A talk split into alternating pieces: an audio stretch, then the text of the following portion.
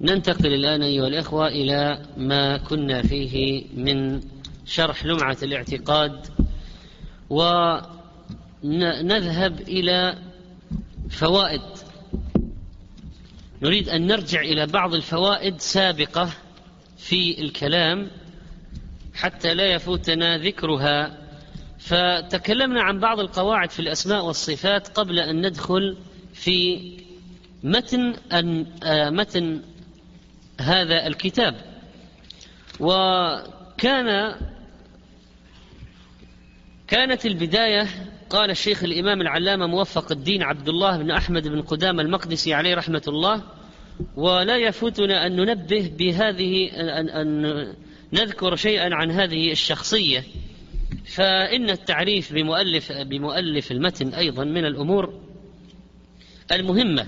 فهو موفق الدين أبو محمد عبد الله بن أحمد بن محمد بن قدامة ابن مقدام ابن نصر بن عبد الله المقدسي ثم الدمشقي الصالحي المولود في شعبان سنة 541 للهجرة بقرية جماعيل من جبل نابلس واشتهر رحمه الله بكتابه العظيم المغني وله أيضا عمدة الفقه والكافي والمقنع وروضة الناظر كتاب التوابين وغيرها. كان رحمه الله جميل الخلقة تام القامة أبيض مشرق الوجه أدعج كأن النور يخرج من وجهه واسع الجبين طويل اللحية قائم الأنف مقرون الحاجبين صغير الرأس لطيف اليدين والقدمين. نحيف الجسم ممتعا بحواسه. أثنى عليه العلماء فقال ابن الصلاح ما رأيت مثل الشيخ الموفق؟ وقال ابن تيمية رحمه الله ما دخل بعد الشام ما دخل الشام. بعد الأوزاعي أفقه من الشيخ الموفق. وقال ابن كثير شيخ الإسلام إمام عالم بارع لم يكن في عصره ولا قبله ولا قبل ولا قبل دهره بمدة أفقه منه. وكان من أذكياء العالم كما قال الذهبي. وكان إمام الحنابلة بجامع دمشق ثقة حجة نبيلا عابدا. عليه الوقار ينتفع الرجل برؤيته قبل أن يسمع كلامه. وهذه طبعا سيمة أهل العلم سيمة أهل العلم. عليه الوقار ينتفع الإنسان برؤيته قبل أن يسمع كلامه. وأولياء الله الذين إذا رؤوا ذكر الله عز وجل وكان رحمه الله له صولات في الجهاد فكان في صفوف جيش صلاح الدين الأيوبي مع أهله من المقادسة ومعروف أن النصارى قد احتلوا بيت المقدس وخرج منها مقادسة أجلوا عنها وهربوا منها. فكان كانوا مع صلاح الدين يقاتلون ويستدل من ذلك على أن القائد يقاتل وراءه ولو كان عنده شيء من المخالفة لمنهج السلف في الأسماء والصفات خصوصا إذا كان باجتهاد منه كان يكون فيه شيء من مذهب الأشعرية وغيره. هذا ابن قدامة رحمه الله السلفي ومن معه قاتل في ذلك الجيش. وكان في مناظراته لا يتحار لا ينزعج وهو هادئ الطبع وخصمه يصيح ويحترق. وهذا طبع يدل على الهدوء والسماحة وحسن الخلق. وكان إماما في التفسير والحديث ومشكلاته والفقه بل إن علمه في الخلاف علم عجيب وهو مع ذلك أيضا بارع في النحو والحساب. وكان رحمه الله تعالى كان رحمه الله تعالى قد توفي سنة 200 وكسنة 620 للهجرة. ما اسم كتابه الذي نشرحه؟ لمعة الاعتقاد. لمعة من اللمعان كما قلنا فسماها لأنها ذات أدلة صحيحة صريحة مضيئة تلمع لمعانا كلمعان السرج القوية ولمعان النجوم في الليلة المظلمة. أراد أن تكون واضحة ذات أدلة شافية لا خفاء فيها. واللمعة أيضا البلغة كما قلنا من العيش.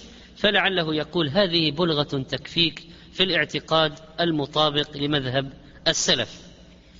سبق الكلام في البسملة. طيب ماذا قلنا في الباء؟ هل الراجح أن للاستعانة أو للمصاحبة؟ للاستعانة. وأيضا تبرك بذكر اسم الله عز وجل. لفظ الجلالة جامد أو مشتق؟ مشتق. بل إن الصحيح أنه ليس في أسماء الله تعالى اسم جامد. ليس في أسماء الله تعالى اسم جامد. فلو رأيت اسم جامد مثلا الأبد أو الشيء فاعلم أنه ليس من أسماء الله عز وجل. وكذلك الدهر ليس من أسماء الله عز وجل. فأسماؤه تعالى مشتقة وقلنا لفظ الجلالة الله من أله فهو مألوه. فهو مألوه. فهي العبودية مع الخضوع والتعظيم.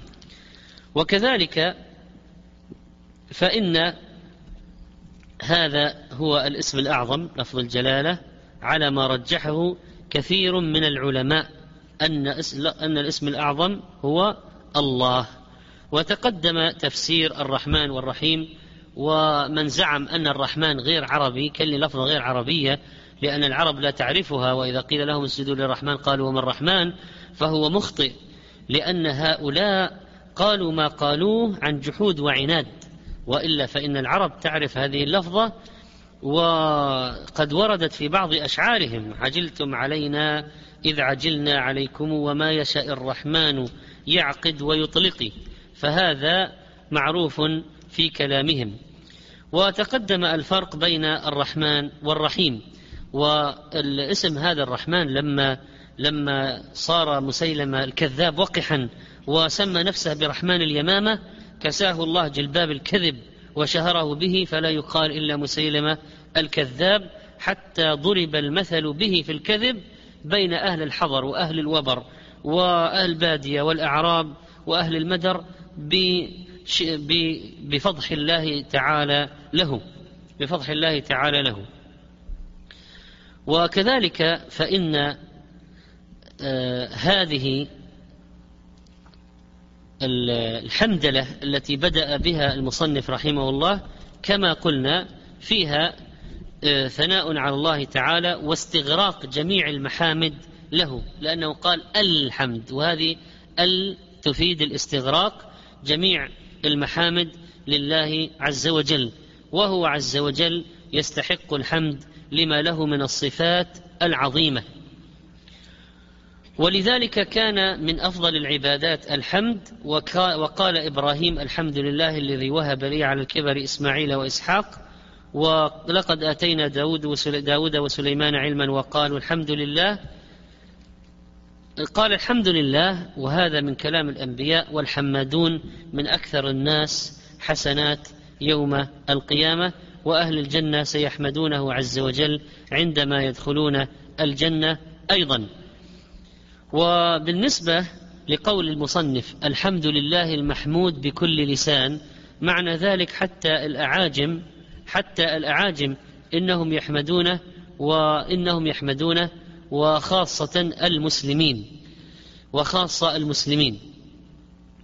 المعبود في كل زمان المعبود في كل زمان هذه العبودية العامة التي يدخل فيها كل شيء وأما العبودية الخاصة فإن الكفار خارجون عنها. لكن سيبقى من يعبد الله في الأرض كما جاء في حديث الطائفة المنصورة. سيبقى في الأرض من يعبد الله عز وجل لا تزال طائفة من أمتي على الحق ظاهرين. وقوله الذي لا يخلو من علمه مكان فقد سبق بيان ذلك ولا يشغله شأن عن شأن وقد قال عز وجل كل يوم هو في شأن يغفر ذنبا ويفرج كربا ويرفع قوما ويضع آخرين. والإنسان ناقص لا يستطيع أن يشتغل مع أطراف كثيرة في وقت واحد.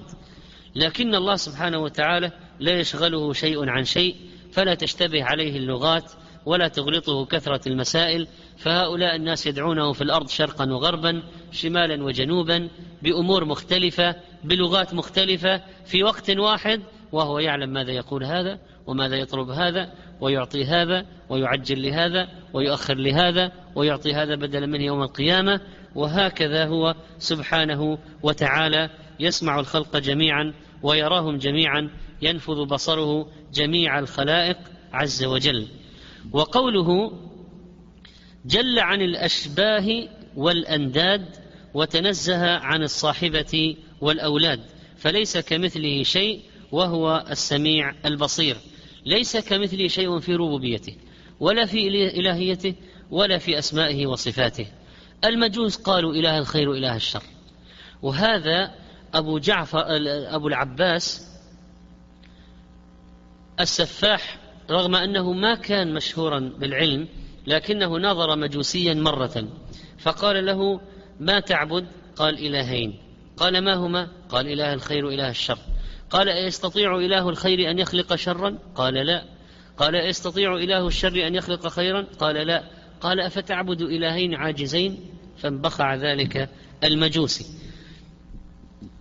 والله سبحانه وتعالى تنزه عن الصاحب والولد. هل النصارى هم الذين جعلوا له الولد فقط؟ لا.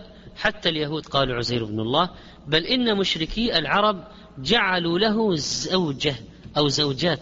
قالوا تزوج من سروات الجن من بنات سروات الجن. تعالى الله عن قولهم وقال إنه قالوا أنجب الملائكة. فقالوا الملائكة بنات الله بنات سروات الجن وأنه تزوج. تعالى الله عن قولهم علوا كبيرا. فإذا هذا قول الزوجة والولد موجود عند عدد من الطوائف. حتى مشركي العرب لقد جئتم شيئا إدا تكاد السماوات يتفطرن منه وتنشق الأرض وتخر الجبال هدا أن دعوا للرحمن ولدا. قال ونفذ حكمه في جميع العباد. ونحن نعلم أن حكم الله عز وجل منه ما هو قدري ومنه ما هو شرعي. ما هو المقصود هنا نفوذ الحكم في جميع العباد؟ القدري أو الشرعي؟ القدري الذي لا بد أن يقع لأن الشرعي قد يفعله بعض الناس يطبق أحكام الله الشرعية وقد لا يطبقون وقد لا يطبقون. وقال أيضا رحمه الله لا تمثله العقول بالتفكير ولا تتوهمه القلوب بالتصوير. فنحن نثبت ما أثبته الله لنفسه واحد. وننزه الرب عن مماثلة المخلوقين اثنين. ونقطع الطمع عن إدراك كيفية الصفات ثلاثة. وهذه الأمور الثلاثة التي بينها العلامة الشنقيطي رحمه الله في رسالته اللطيفة في الأسماء والصفات مهمة جدا. وهذا الأخير وهو أن من مرتكزات عقيدة الإيمان بالأسماء والصفات قطع الطمع عن إدراك كيفية الصفة. يعني ما في أمل أنك تقطع الأمل بأن تدرك كيفية الوجه أو كيفية اليد ونحو ذلك. فإذا هذه المسألة معنى لا تمثله العقول بالتفكير ولا تتوهمه القلوب بالتصوير. وكذلك فإن الإنسان قد يسأل هو الآن قال العقول وقال القلوب. فهل العقل في القلب أم ماذا؟ فقد تكلم العلماء في هذه القضية وقالوا إن العقل في القلب وهو اختيار المالكية والشافعية وبعض الحنابلة ولهم أدلة مثل قوله تعالى لهم قلوب لا يعقلون بها. ألهم لهم قلوب يعقلون بها؟ لو كان لهم قلوب يعقلون بها لما وقعوا في هذا الشرك. وقال وقالوا أستدلوا بقوله تعالى فإنها لا تعمى الأبصار ولكن تعمى القلوب التي في الصدور. وقال قالوا أيضا استدلوا بقوله تعالى إن في ذلك لذكرى لمن كان له قلب أو ألقى السمع وهو شهيد. بعضهم قال إن العقل مكانه في الدماغ وعليه الأحناف والحنابلة واستدلوا بالحس والمشاهدة وأن الإنسان لو ضرب على دماغه ضربة قوية زال معه الإحساس وفقد عقله وأن العرب تقول للعاقل وافر الدماغ ونحو ذلك. حاول شيخ الإسلام ابن تيمية رحمه الله أن يجمع بينهما جمعا لطيفا. فقال فالتصور والإدراك للمعاني محله الدماغ. ثم يبعث بذلك للقلب. سبحان الله كأنه يعرف قضية هذه الجهاز العصبي والإرساليات التي يرسلها. فقال التصور والإدراك للمعاني محله الدماغ. ثم يبعث بذلك للقلب. والقلب يأمر ويدبر فيبعث بأوامره إلى الدماغ والدماغ يحرك الأعضاء فكلاهما يفتقر إلى الآخر. إذا المسألة فيها ارتباط بين العقل والقلب في الحقيقة بحيث لا نستطيع أن نفصل أحدهما عن الآخر. نقف هنا ونعاود الحديث بمشيئة الله تعالى في هذا الدرس في هاتين المادتين وصلى الله وسلم على نبينا محمد.